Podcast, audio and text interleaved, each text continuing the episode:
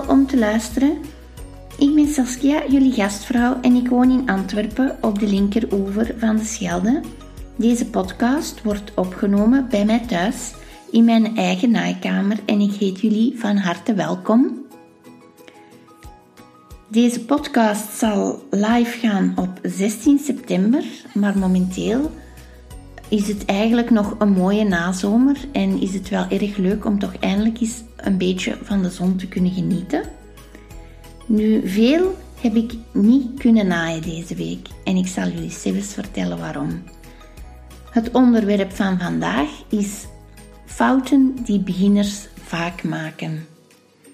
Ik hoor jullie zo direct terug. Dag!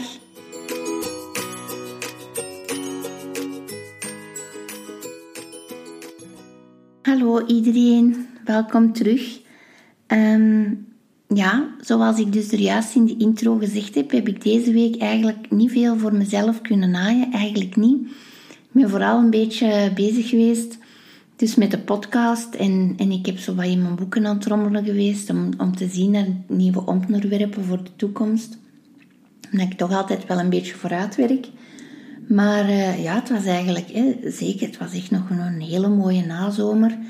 En um, we wilden dus um, gaan fietsen. Ik, eh, papa en mijn echtgenoot, we wilden met ons drieën gaan fietsen. We hebben dat ook gedaan.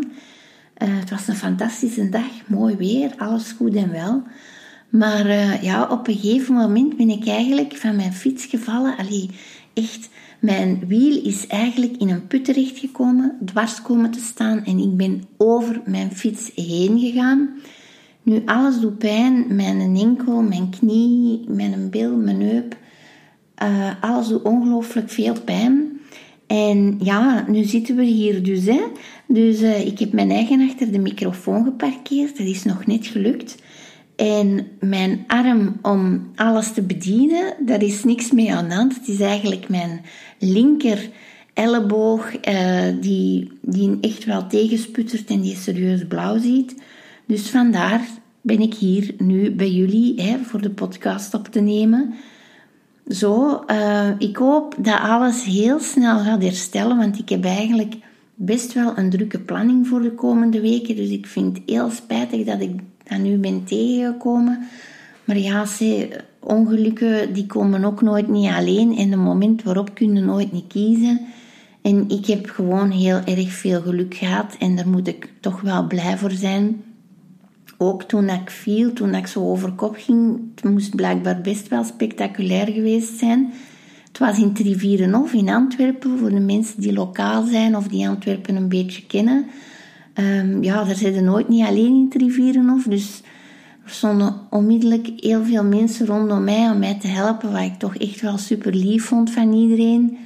Maar ja, hè, natuurlijk nu dat we thuis zitten en nu dat de pijn er is en de blauwe plekken, moeten we het alleen uitzweten. Hè. Dus, maar het zal allemaal wel goed komen. Hè. Ik hou jullie zeker op de hoogte en ik hoop binnenkort toch terug een beetje iets te kunnen naaien. De aankondigingen uit de community die ik deze week op de podcast met jullie heel erg graag zou willen delen, zijn de nieuwe patronen. Nu, elke maand zijn er ongelooflijk veel nieuwe patronen die verschijnen, dus het zou een beetje overdreven zijn om hier een hele lijst met patronen te gaan opsommen, dus ik ga dat niet doen. Ik ga er twee uitnemen die voor mij heel erg in het oog sprongen en waarvan ik denk, waarvan ik mezelf ze in de toekomst misschien wel eens zie maken. Um, dat is Durban van Megan Nielsen. Dat is een jumpsuit. Nu, zij heeft heel veel verschillende uh, mogelijkheden mee in het patroon verwerkt. Dus je kan er echt mee mixen en matchen. Het is een jumpsuit of een romper. En je kan het uh, opmaken dus in, uh, met een korte short of met een lange broek. Maar je kan er ook uh, mouwen aan maken. Er zijn heel veel mogelijkheden. Echt een heel leuk patroon. Dus dat was de Durban van Megan Nielsen. En dan So Over It. Die hebben ook elke maand een nieuw patroon dat ze uitbrengen. En deze maand is het een, een rok. De Neum Skirt op te maken in verschillende lengtes en uh, ook een patroon dat heel veel mogelijkheden biedt. Dus uh, je kan, kan het een beetje korter maken boven de knie, of je kan het weer verwerken tot op de knie, of eventueel tot op de enkels. Dus ook een patroon met heel veel mogelijkheden. En op het eerste zicht volgens mij met niet zoveel uh, moeilijke stappen erin verwerkt. Dus misschien wel een aanrader voor iemand die nog niet zo heel lang aan het naaien is en toch wel eens iets bijzonder wilt maken. Want dat is zo typisch een patroontje. Als je dat maakt in de juiste stof, dan gaat echt niemand, niemand gaat denken dat jij dat zelf gemaakt hebt. Iedereen gaat denken, Angie heeft dat in de winkel gekocht. Gewoon ook nog eventjes meegeven dat sinds gisteren dus de nieuwe Fibermood in de winkel ligt. Ik heb hem nog niet kunnen inkijken. Ik weet alleen dat hem in de winkel ligt en dat hem online te verkrijgen is. Dus als je erop aan het wachten bent, het is zover de nieuwe editie van Fibermood ligt in de winkel. Het onderwerp voor vandaag, dat zijn fouten die beginners vaak maken of beginnersfouten. Nu, ik vind dat heel belerend om dat zo te omschrijven. Ik zeg dat ook niet graag op die manier, maar ja, natuurlijk moeten we het programma een naam geven. Hè. Dus het is eigenlijk meer mijn eigen persoonlijke ervaringen die ik, als ik helemaal aan het begin van mijn uh, traject stond om te leren naaien, de fouten die ik maakte en wat ik daar dan uit geleerd heb, of hoe ik dat ontdekt heb, wat ik fout deed. Want het is zo, voor mij persoonlijk is leren naaien, dat is een, een heel individueel proces geweest. Ik heb eigenlijk heel veel geleerd van YouTube-films kijken, van luisteren naar podcasts, magazines lezen, boeken lezen, maar dat was allemaal Engelstalig. Dus um, heb ik wel mijn Engels serieus kunnen bijschaven. En ik heb ondertussen leren naaien. Ik weet eigenlijk niet zo goed hoe ik het juist moet omschrijven. Heb ik Engels geleerd en ondertussen leren naaien? Of heb ik leren naaien en ondertussen mijn Engels bijgeschaafd? Is een, van de twee dingen. het, is, het is niet, voor mij niet altijd duidelijk. Het is zo'n beetje iets dat hand in hand gegaan is. En ehm, ja, doordat ik dan zo in, op mijn eigen was, heb ik was er niet echt iemand die langs de, zijlijn uh, mij wel kon coachen. Dus um, sommige dingen heb ik gewoon met schande moeten ondervinden, maar dat is niet slecht. Hè. Het is eigenlijk altijd met alles wat we doen een traject van uh, vallen en opstaan. En voor mij ook zo bij het naaien. En als ik erop terugkijk, ja, er zijn een aantal dingen bij waarvan ik wel liever had gehad dat ik ze vlugger had geweten.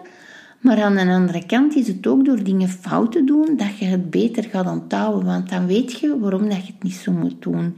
En als iemand dat dan gewoon tegen u zegt, dan gaat je dat misschien niet aannemen. die, die mogelijkheid is er altijd ook wel. He? Dat omdat iemand dat tegen u gewoon zegt, dat je dat daarom nog niet gelooft.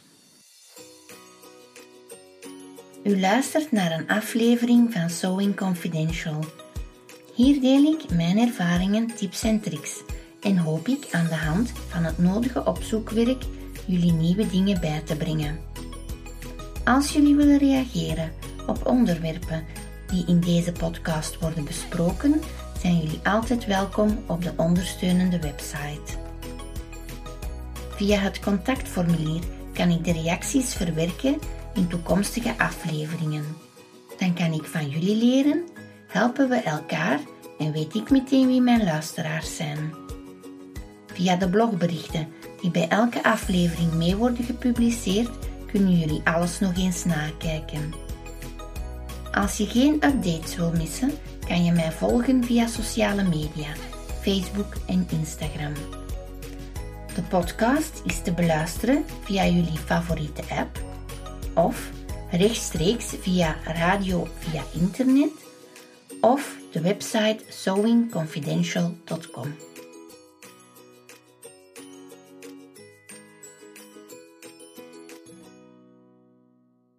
Ik ben voor jullie dus het internet een beetje gaan afzoeken. Ik ben op zoek geweest naar blogposts. Ik heb er een viertal gevonden die allerlei punten aanhaalden van fouten die beginners vaak maken. In een heel deel van die fouten heb ik mezelf herkend. Dus ik heb die fouten opgelijst en ik dacht dat het misschien leuk was om een typische beginnersfout te vermelden en dan uit te leggen hoe ik dat zelf ervaren heb. En dan misschien gaandeweg kunt je ook uh, dan je eigen persoonlijke ervaringen daarin herkennen. En zoals al af en toe vermeld geweest is, of toch regelmatig, mocht je ook altijd een berichtje achterlaten bij de blogpost hoe jij dat beleeft. Dus de eerste fout die ik bovenaan op de lijst gezet heb, dat is een te dure naaimachine kopen. Nu, een te dure naaimachine kopen, ja, daar kan ik niet over oordelen, want ik denk dat iedereen persoonlijk zijn budget heeft en iedereen moet uiteindelijk kopen waar hij zich goed bij voelt of wat hij denkt nodig te hebben. Ik zou het liever omschrijven als een naaimachine die te veel mogelijkheden heeft. Want uiteindelijk tegenwoordig heb je ook wel naaimachines op de markt die best wel heel veel mogelijkheden hebben en, en die uiteindelijk niet super duur zijn. En dat is eigenlijk wat mij overkomen is. Toen ik mijn uh, Senior Quantum Stylist 9960 kocht, ik heb die op het internet gekocht. Ja, dat is evident. Ik heb, ik heb op het internet uh, geleerd hoe ik moest kleding maken, hoe ik zelf moest naaien. Dus ik heb ook mijn naaimachine daar gekocht. En zeker toen waren de naaimachines in Nederland goedkoper dan in Vlaanderen. Dus ik ben toen toch wel voor dat prijsverschil gegaan. En dat naaimachine stond hier op een dag voor mijn deur. En eigenlijk zaten daar heel veel functies op waarvan ik totaal niet wist waarvoor dat die dienden.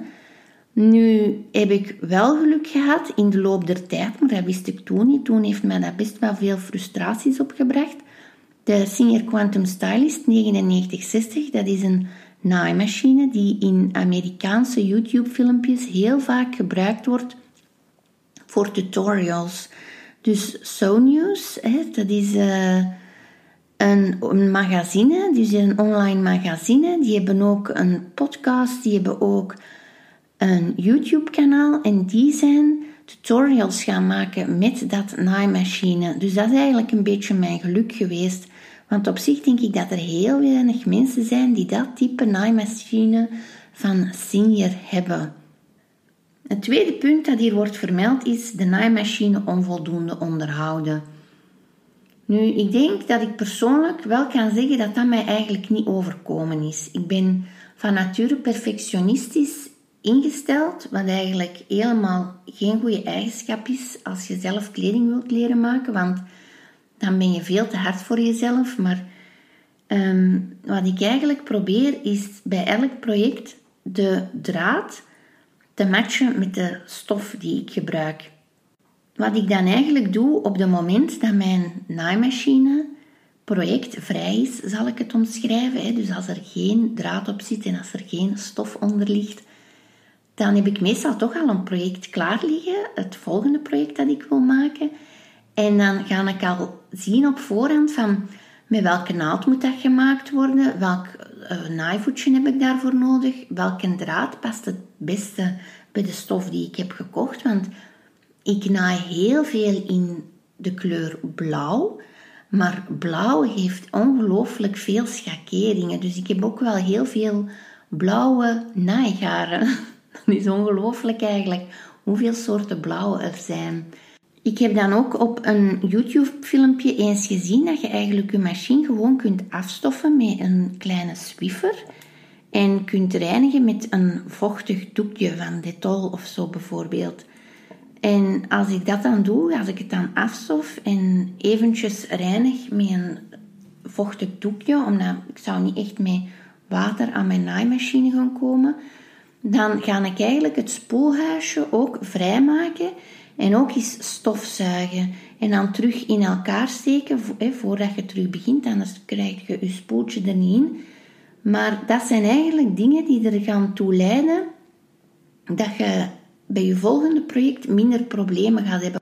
Zo komen we automatisch van punt 2 bij punt 3, dat is de naaimachine correct inrijgen.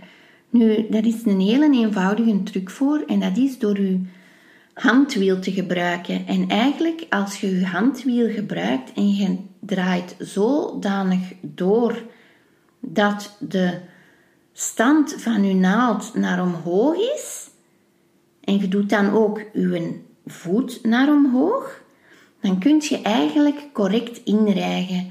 Je volgt dan de pijlen van op je naaimachine en je gaat ook voelen, dan gaat dat heel vlot. Dan kun je die garen overal heel vlot doorsteken. Als uw naaivoet naar beneden staat en uw naald staat naar beneden, dan gaat dat veel stroever verlopen en dan is de kans heel groot dat dat eigenlijk niet correct verloopt. En daarom dat ze zeggen, ook nummer 1 bij probleemoplossingen, de naaimachine terug inrijgen. Dat kan soms dan zijn, ik heb er ook niet altijd op gelet. Af en toe ja, ze je even verstrooid of je vergeetachtig. En dan gebeurt het soms dat je die inrijgt zonder dat je die twee dingen gecontroleerd hebt. En dan kan het dus zijn dat je uw draad niet goed ehm, het spoor volgt dat hem zou moeten volgen en dat er dus niet voldoende spanning op komt te staan. De volgende fout die je misschien eventueel onbewust zou kunnen maken is te veel te snel te willen. Als iets buiten uw mogelijkheden valt, dan gaat je één natuurlijk fouten maken. Dat is normaal, dat is evident. Niemand kan alles van de eerste keer. Maar ook door de moeilijkheidsgraad zou het kunnen dat je gefrustreerd gaat geraken en ontmoedigd gaat worden door het eindresultaat. Dus het zou kunnen dat het eindresultaat zo gaat tegenvallen dat je gedemotiveerd gaat geraken en niet meer gaat willen verder proberen om iets te maken. Het is zo, en die twee dingen die gaan eigenlijk een beetje hand in hand. Iets te moeilijk willen proberen, dat is eigenlijk even slecht als iets willen blijven herhalen dat eigenlijk te eenvoudig is. Als we altijd maar in die eenvoudige projectjes gaan blijven zitten, dan, dan gaan we ook niks bijleren. En er is een podcast waar ik naar luister, Happier. En ja, die gastvrouw van die podcast is eigenlijk ongelooflijk. Ik, vind, ik uh, waardeer echt wel wat ze altijd vertelt. En zij omschreef het volgende: uh, fouten maken, dat is noodzakelijk om te kunnen groeien. En als we geen fouten gaan maken, dan is eigenlijk een teken dat we onszelf niet voldoende uitdagen. En wie zichzelf niet uitdaagt en dus geen fouten maakt, groeit niet. En stilstaan is achteruit gaan. En dat is eigenlijk zo'n ongelooflijk mooie boodschap dat je altijd in je achterhoofd moet houden. Het kan zijn dat iets niet lukt. Het kan zijn dat een heel klein stuk van iets bepaald niet lukt, maar het is erom dat we oefenprojecten maken.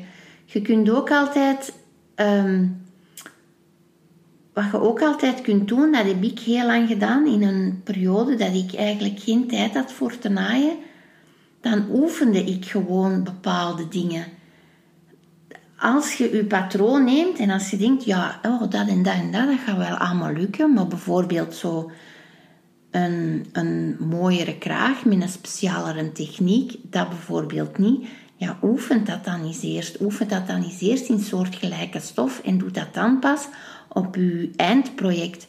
En er is niemand die nadien aan u gaat vragen van hoeveel keren jij die kraag geoefend voordat jij die erop gestikt hebt. Er zijn andere mensen allemaal niet mee bezig.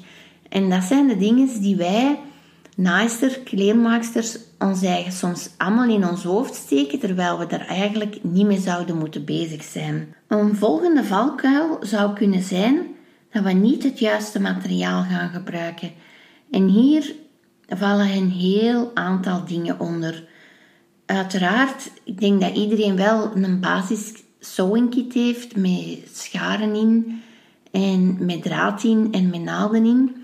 Maar eigenlijk heb je best wel wat materiaal nodig om je projecten heel mooi te kunnen afwerken. Je moet dat niet allemaal in één keer gaan kopen, stukje per stukje, beetje per beetje. En over de jaren heen heb ik ook al wel heel veel grief bijeen verzameld, veel meer dan dat ik in het begin had.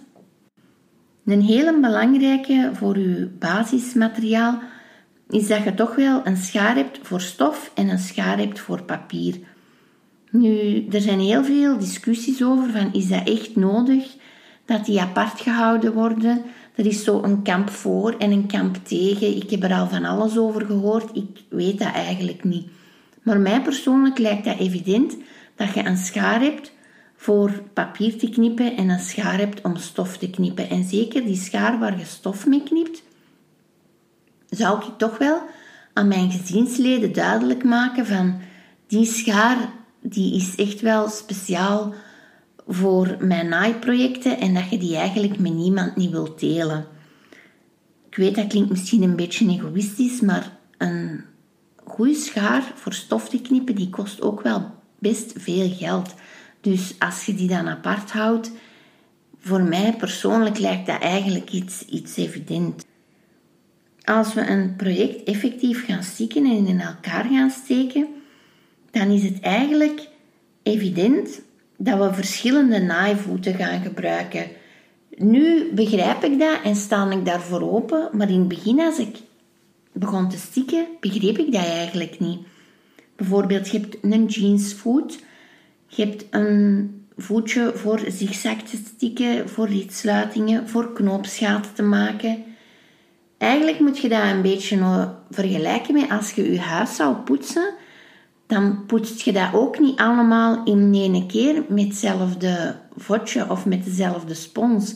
Of als je je huis zou schilderen, dan gebruikte jij voor de hoekjes af te werken ook een andere borstel of penseel dan dat jij de muur volledig zou schilderen. Maar dat is zoiets, ja, in het begin begreep ik dat niet. Ehm, ook, dat wordt niet vermeld in patronen. Als je instructies opvolgt in een patroon, dan wordt daar eigenlijk niet in gezegd wanneer dat je van naaivoet moet veranderen. En dat is iets dat je gaandeweg door de jaren heen zelf beter gaat ondervinden. Iets wat wel altijd op het patroon of in de instructies wordt vermeld, dat is het type naald. Dus bijvoorbeeld als men gaat zeggen een jersey naald of een ballpoint needle of een jeansnaald of een standaardnaald, een universele naald. Hè. Dat gaat er wel altijd op vermeld staan. Nu, wat nog belangrijk is, en wat er volgens mij, als ik het juist voor heb, niet bij staat, dat is hoe groot die naald moet zijn. Want in elke type naald heb je ook nog eens altijd een getal dat erbij staat. En dat kan ook een, ook een verschil maken. Dus wanneer we dan gaan naaien met de naaimachine en we nemen dit doosje met naalden in, die getallen die gaan de verschillende diktes aangeven. Dus dat zal bijvoorbeeld zijn 60, 70, 80, 90 of 100. En hoe groter het getal, hoe dikker de naald. Dus voor zwaardere stoffen gaan we naar een hoger getal gaan. Nu, die 60 of die 100, je zult ook zien dat daar bijvoorbeeld nog een getal onder staat. Een 8, een 10, een 12 of een 14. En vroeger dacht ik ook van, oh, wat is dat? Maar eigenlijk is dat gewoon, de ene waarde is de Europese waarde en de andere waarde is de Amerikaanse waarde. Dus de waarde die onder onderaan staat. Dus eigenlijk moet je daar gewoon in naar kijken. Um, als je ziet tussen 60 en 100 en als je dan zoekt naar de dikte die je juist nodig hebt, dan weet je dat je de juiste naald hebt en je zult ook per project daar af en toe in moeten experimenteren. Nu we toch bij de naalden zitten, zijn er twee dingen waar we nog oog voor moeten hebben. Dat is ten eerste de naald voldoende vervangen. En daar zult je voor jezelf trucjes voor moeten vinden. Bij mij is dat, zoals ik er straks al zei, bij elk nieuw project, dan neem ik een nieuwe naald. Nu niet altijd, als ik nu echt twee t-shirts uitgesneden heb en ik stik één een t-shirt en ik neem nadien terug een t-shirt voor te, in elkaar te steken, dan ga ik die naald niet vervangen. Maar je gaat ook zien, na een tijd gaat die punt van een naald krom staan en dan gaan er allerlei andere problemen komen, zoals niet mooi afgewerkte steken of steken die overslaan of uw draadspanning die niet meer juist zit. Een hele belangrijke vind ik zelf een hele mooie. Ik probeer het niet meer te doen, maar als ik stik, dan keek ik vroeger altijd naar de naald. Maar eigenlijk moeten dat juist niet doen. Tijdens het stikken, als we op onze voetpedaal drukken, ja, die naald die gaat naar boven en naar beneden gaan. Sowieso, want daar is die machine voor gemaakt. Het is veel belangrijker om uw naadwaarde en uw stof in toog te houden. En dat is een fout die ik vroeger heel vaak maakte, totdat ik dan ook zo weer eens zag in een YouTube-filmpje dat iemand dat echt eens effectief zei. Ik denk dat het bij Mimi G was ja, naar de naald hoeft je niet te kijken. Dus bij deze wil ik dat toch ook wel meegeven, omdat dat een, een hele belangrijke is en omdat ik dat eigenlijk een hele mooie vind. En dat een fout is die ik zelf heel lang, heel vaak gemaakt heb. Nu komen we dus aan bij de fouten die vaak te maken hebben met het patroon. Als we de instructies niet gaan opvolgen, dan gaan we vroeg of laat in de problemen zitten. Nu, het is zo, instructies, dat komt in alle vormen en maten. Bijvoorbeeld iemand zoals Tilly the Buttons, die is heel gestructureerd in, in haar instructies. Dat zijn echt heel mooie instructies. Eigenlijk zijn al haar patronen ideaal voor beginners. En zij heeft ook heel vaak mooie technieken in haar patronen die zij echt heel gedetailleerd en heel duidelijk uitlegt. Style Arc, die zijn dan heel modieus in hun patronen. Die zijn echt heel up-to-date met alles wat er gebeurt. Maar um, die staan dan echt gekend voor heel slechte instructies. Dus als je heel goed kunt naaien, dan is zo'n patroon van Style Arc zeker aan te raden, want daar zitten eigenlijk prachtige dingen in. En als je nog niet zo goed kunt naaien, dan is het eigenlijk het best voor bijvoorbeeld te beginnen met een patroon van Burda Easy of een patroon te nemen van beginners van, van La Maison Victor of een beginnerpatroon van Tilly and the Buttons. En dan gaat je zien, als je dat label beginner neemt, dan ga je echt heel duidelijke instructies hebben. Bijvoorbeeld een kleed. Een kleed heeft een bovenstuk en een rok. eigenlijk is dat gewoon een bovenstuk en een rok aan elkaar gezet.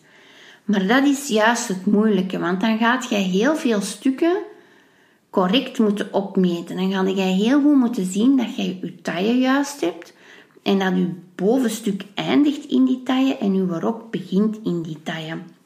En daardoor ga je bijvoorbeeld aanpassingen moeten maken, zoals een full bust adjustment of een small bust adjustment. Dat is dus voor hoe groot of hoe klein je borstomtrek is. Maar ook resizing noemt dat dan. Eigenlijk tussen verschillende maten uw eigen lichaamslengte, uh, uw eigen lichaamsmaten gaan aftekenen.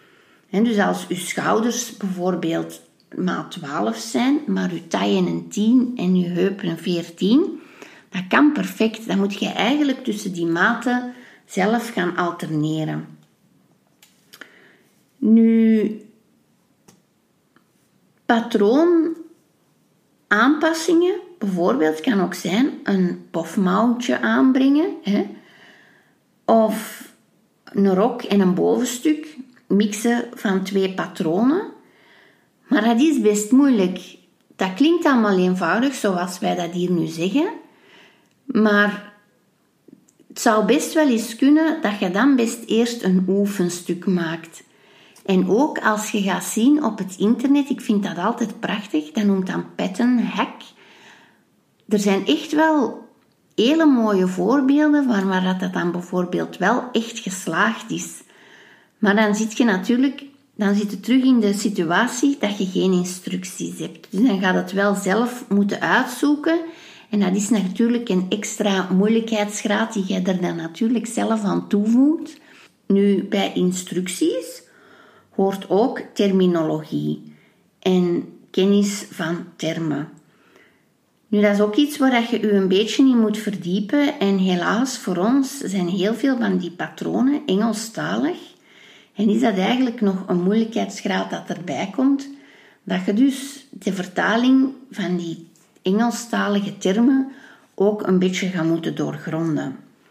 Nu, ehm, wat dan weer wel heel leuk is, dat is dat eigenlijk die patroontekens echt universeel zijn. Patroontekens, bijvoorbeeld waar jij ehm, een knop moet plaatsen, bijvoorbeeld waar jij je rits moet plaatsen, of wel uh, kenmerken aangebracht zijn van waar jij je mouw moet plaatsen. Wat is de voorkant, wat is de achterkant? Die tekens, die kenmerken die daarvoor gebruikt worden, die aangebracht worden op een patroon, die zijn universeel over heel de wereld.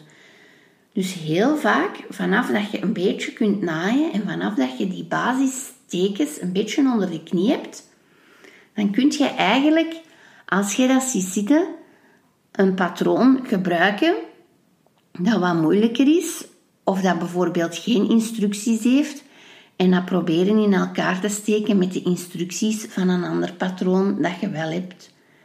Ja, dat is nog ook af en toe moeten durven.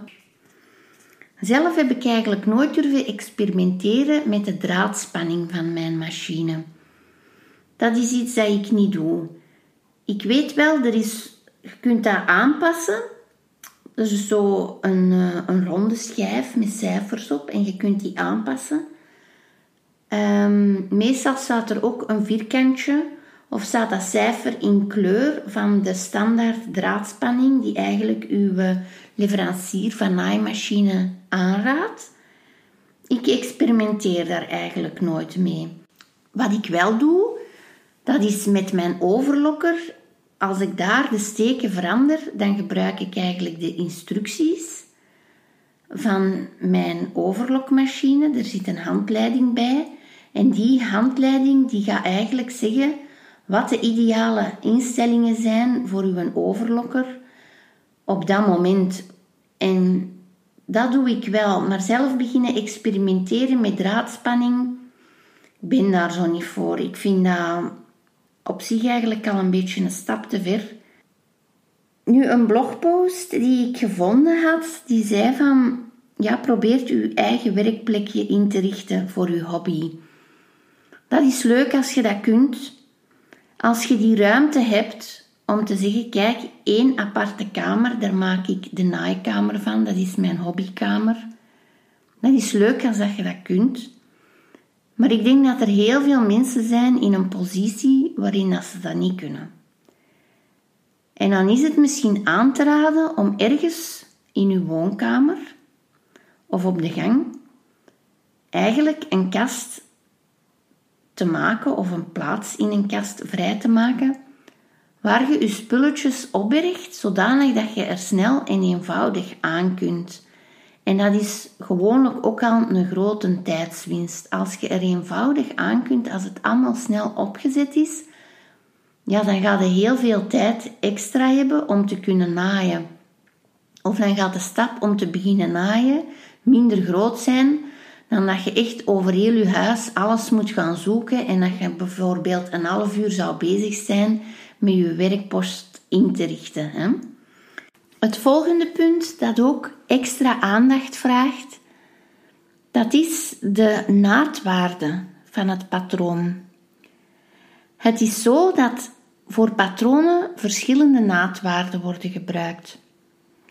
Als we zien staan 0,5 centimeter, dat ziet je heel veel staan bij een patroon voor een t-shirt, dan is het eigenlijk zo dat de patroonontwerper het patroon getekend heeft met in gedachte dat je eigenlijk dat t-shirt onmiddellijk op de overlokker volledig in elkaar kan steken.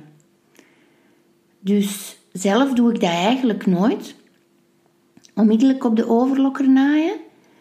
Dus wat ik dan ga doen, dan ga ik mijn stof eerst lichtjes aan elkaar bevestigen op de naaimachine met de rijgsteek en dan daarover gaan met een overlokker. Zodanig dat ik wel die naadwaarde van dat patroon respecteer, dat het maar 0,5 centimeter is. Vaak is de naadwaarde van een patroon 1 centimeter, maar dat is niet altijd zo. Het kan ook zijn, bijvoorbeeld bij Cashmeret, daar gebruiken ze 1,2 centimeter. En bij Tilly en de Buttons, die gebruiken 1,5 centimeter. Dus de naadwaarde, dat is echt wel de moeite om dat heel goed na te kijken voordat je begint te stikken. Want dat kan eigenlijk ervoor zorgen dat je patroon uitdraait op een compleet fiasco. En ook als, um, als je bijvoorbeeld naadwaarden hebt van bijvoorbeeld anderhalve centimeter, dat is best veel.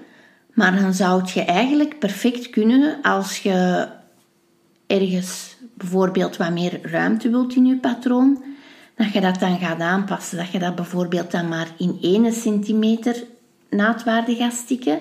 En dan heb je eigenlijk al volledig rondom rond, als je bijvoorbeeld praat over een t-shirtje, dan heb je al volledig rondom rond 2 centimeter extra ruimte gecreëerd. Dus zelf vind ik dat niet zo erg dat een patroon veel naadwaarden heeft. Want eigenlijk kun je dan wel een beetje spelen met die naadwaarden en zo eigenlijk al een klein beetje patroonaanpassingen gaan doen, zonder dat dat echt veel moeite vraagt. Dan hebben we nog Burda, Burda magazinen of de losse patronen. Daar moeten we zelf de naadwaarde gaan aantekenen. Nu, het voordeel daarvan is, dan kun je kiezen hoeveel naadwaarde dat jij gebruikt. En wat heel veel mensen ook zeggen, een patroon zonder naadwaarde is eenvoudiger om daar patroonaanpassingen aan te doen. Dat is wel waar. Maar persoonlijk zit ik dan toch altijd zo een beetje in twijfel van waar moet ik hier allemaal naadwaarde gaan aantekenen. Want bijvoorbeeld aan patroon dat je op de stofvouw legt, aan die kant waar je het op de stofvouw legt, moet je dan geen naadwaarde gaan aantekenen. Dus dat is altijd zo een beetje goed opletten dan als we zelf de naadwaarde er moeten gaan aantekenen. De zoom. De zoom van ons kledingstuk is ook eigenlijk een waarde die heel erg kan variëren. Voor een rolzoom gaan we helemaal niet zoveel stof nodig hebben. Dat is eigenlijk twee keer heel kort op elkaar omgevouwen.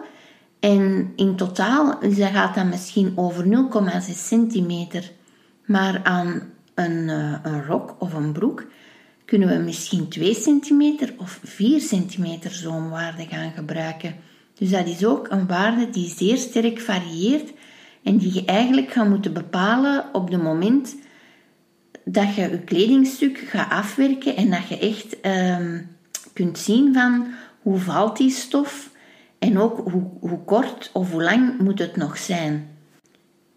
Het volgende punt voor ons project is dat we ook moeten bepalen hoe we de binnenkant gaan afwerken. En voor mijzelf heb ik nogal de neiging om soms de binnenkant te veel te willen afwerken. En eigenlijk kan iets ook mooi afgewerkt worden met een kartelschaar dat hoeft niet altijd allemaal perfect te zijn van binnen. Er zijn heel veel stoffen, zeker van die moderne stoffen, die niet meer uitrafelen. Dus eens jij die verwerkt hebt in je project, gaat de afwerking aan de binnenkant soms meer versiering zijn dan dat dat eigenlijk echt een functie heeft. Wat ik heel vaak zie terugkomen op sociale media, dat is dat mensen het heel moeilijk vinden om hun lichaamsmaten correct op te meten. En ik vind dat zelf ook een hele moeilijke. Nu, er zijn een aantal zaken waar dat je dan heel goed rekening mee moet houden. Dat is eigenlijk, zeker wat betreft uh, de maat van een borstomtrek, is dat dat Europees en Amerikaans anders wordt opgenomen. Dus je gaat eigenlijk elke keer als je een nieuw project start, best gewoon opnieuw je lichaamsmaten nemen. Dat klinkt misschien heel bizar, maar zolang dat jij tussen verschillende patroonmerken blijft veranderen, en zolang dat je niet echt een voorkeur hebt voor een bepaald patroonmerk, denk ik dat dat heel belangrijk is om elke keer opnieuw die maten te blijven nemen.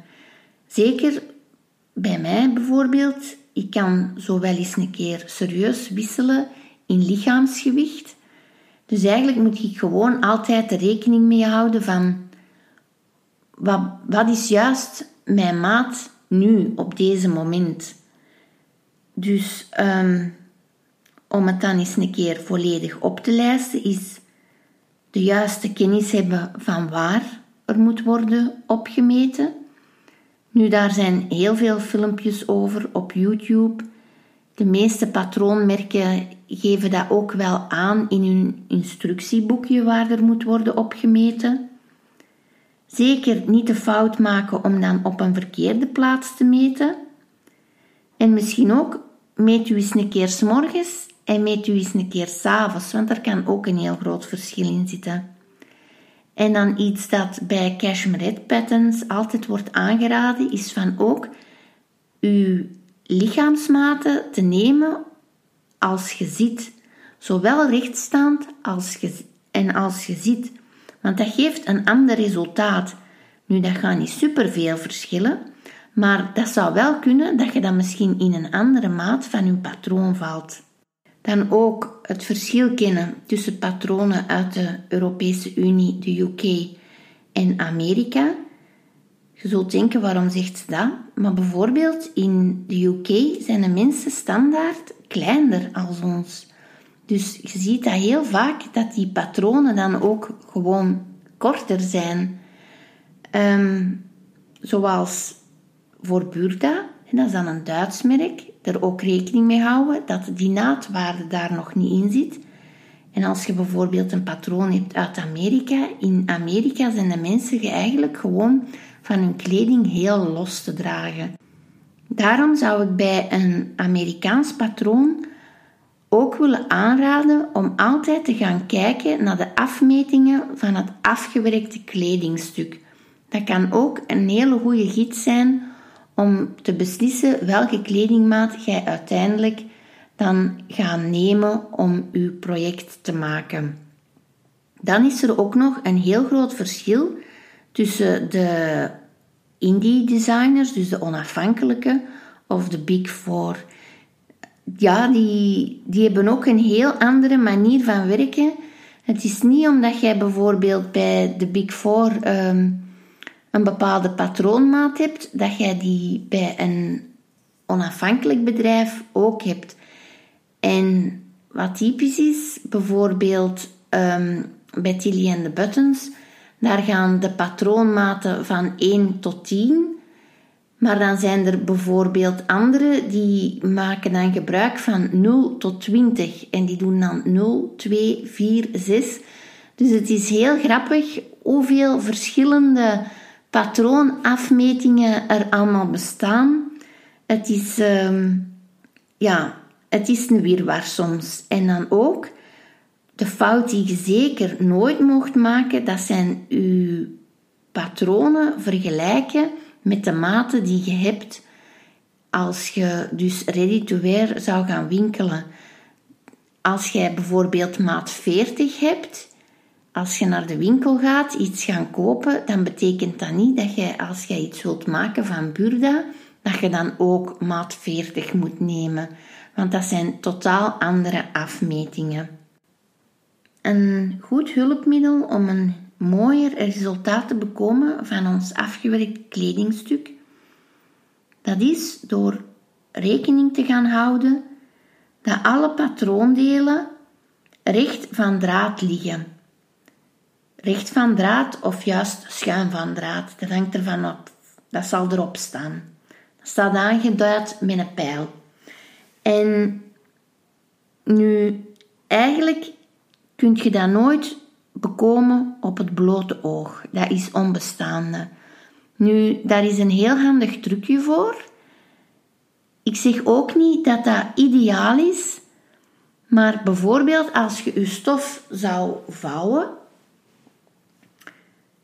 dan kun je een meetlat leggen aan de vouw van de stof. En als het dan bijvoorbeeld die vouw 30 centimeter is, En we leggen een beetje verder terug een meetlat en dat is ook 30 centimeter.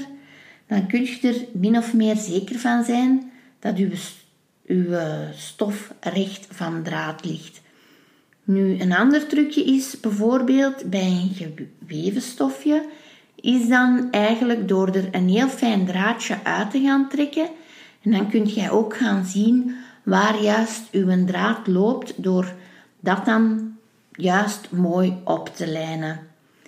Nu, recht van draad, dat is allemaal heel mooi in theorie, maar als je een hele drukke print hebt, dan is dat eigenlijk het beste dat je die print volgt.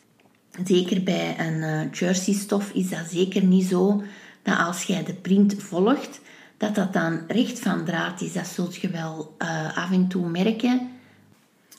Zoals al wel vaker in andere afleveringen van de podcast besproken geweest is, is het ook heel erg belangrijk dat wij de stof voldoende gaan voorbereiden. Dus dat wil zeggen wassen, drogen en strijken volgens dat wij ons afgewerkt kledingstuk gaan behandelen. Je mocht jezelf daar eigenlijk echt geen illusies rond wijs maken. Als jij die kleding gaat wassen op 40 graden in de droogkast gaat steken en nadien wel of niet gaat strijken, ja, heeft dat weinig zin voor dat in eerst dan koud te wassen en dan op het droogrekje uh, voorzichtig te laten drogen als je dat in de toekomst toch niet gaat doen. Het is ook heel belangrijk dat we rekening gaan houden met het soort stof dat de patroonontwerper voorstelt. Nu, ik heb daar zelf een heel leuke anekdote rond en ik vind dat totaal niet erg om dat hier met jullie te delen. Uh, de Marigold van Tilly and the Buttons, dat is een jumpsuit, maar dat kan ook volledig uh, perfect gemaakt worden, enkel alleen in de broek. Dus um, die broek van Marigold, dat, uh, dat zit mij eigenlijk perfect. Ik kan daar een maat uit gebruiken die mij volledig past. En ik maakte dat altijd in een, in een zware jersey stof. Ik heb dat vorig jaar gemaakt. En die broek die was toen te groot. En ik dacht, amai, die broek die is nu te groot. Ik heb die toen gewoon in mijn kast gelegd, want ik vond dat eigenlijk wel heel mooi. Ik vond dat best wel spijtig dat die te groot was. En dan uh, deze jaar, ik was ja, door corona, we konden niet gaan sporten, we konden amper buiten komen. Dus ik ben net als vele anderen een paar kilo bijgekomen. Dus ik heb die broek gepast en die paste perfect. Dus ik dacht, ja, ik maak terug diezelfde broek, want ik had die patroondelen toch nog liggen. Ik heb die teruggemaakt in hetzelfde soort jersey als de eerste keer. Dus ik heb nu twee broeken die mij eigenlijk perfect zitten. Maar de marigold is eigenlijk niet echt getekend om gemaakt te worden in, in een jersey stof. Dat is eigenlijk een broek die uh, ontworpen is om in een, een, lichte, een licht geweven stof te maken.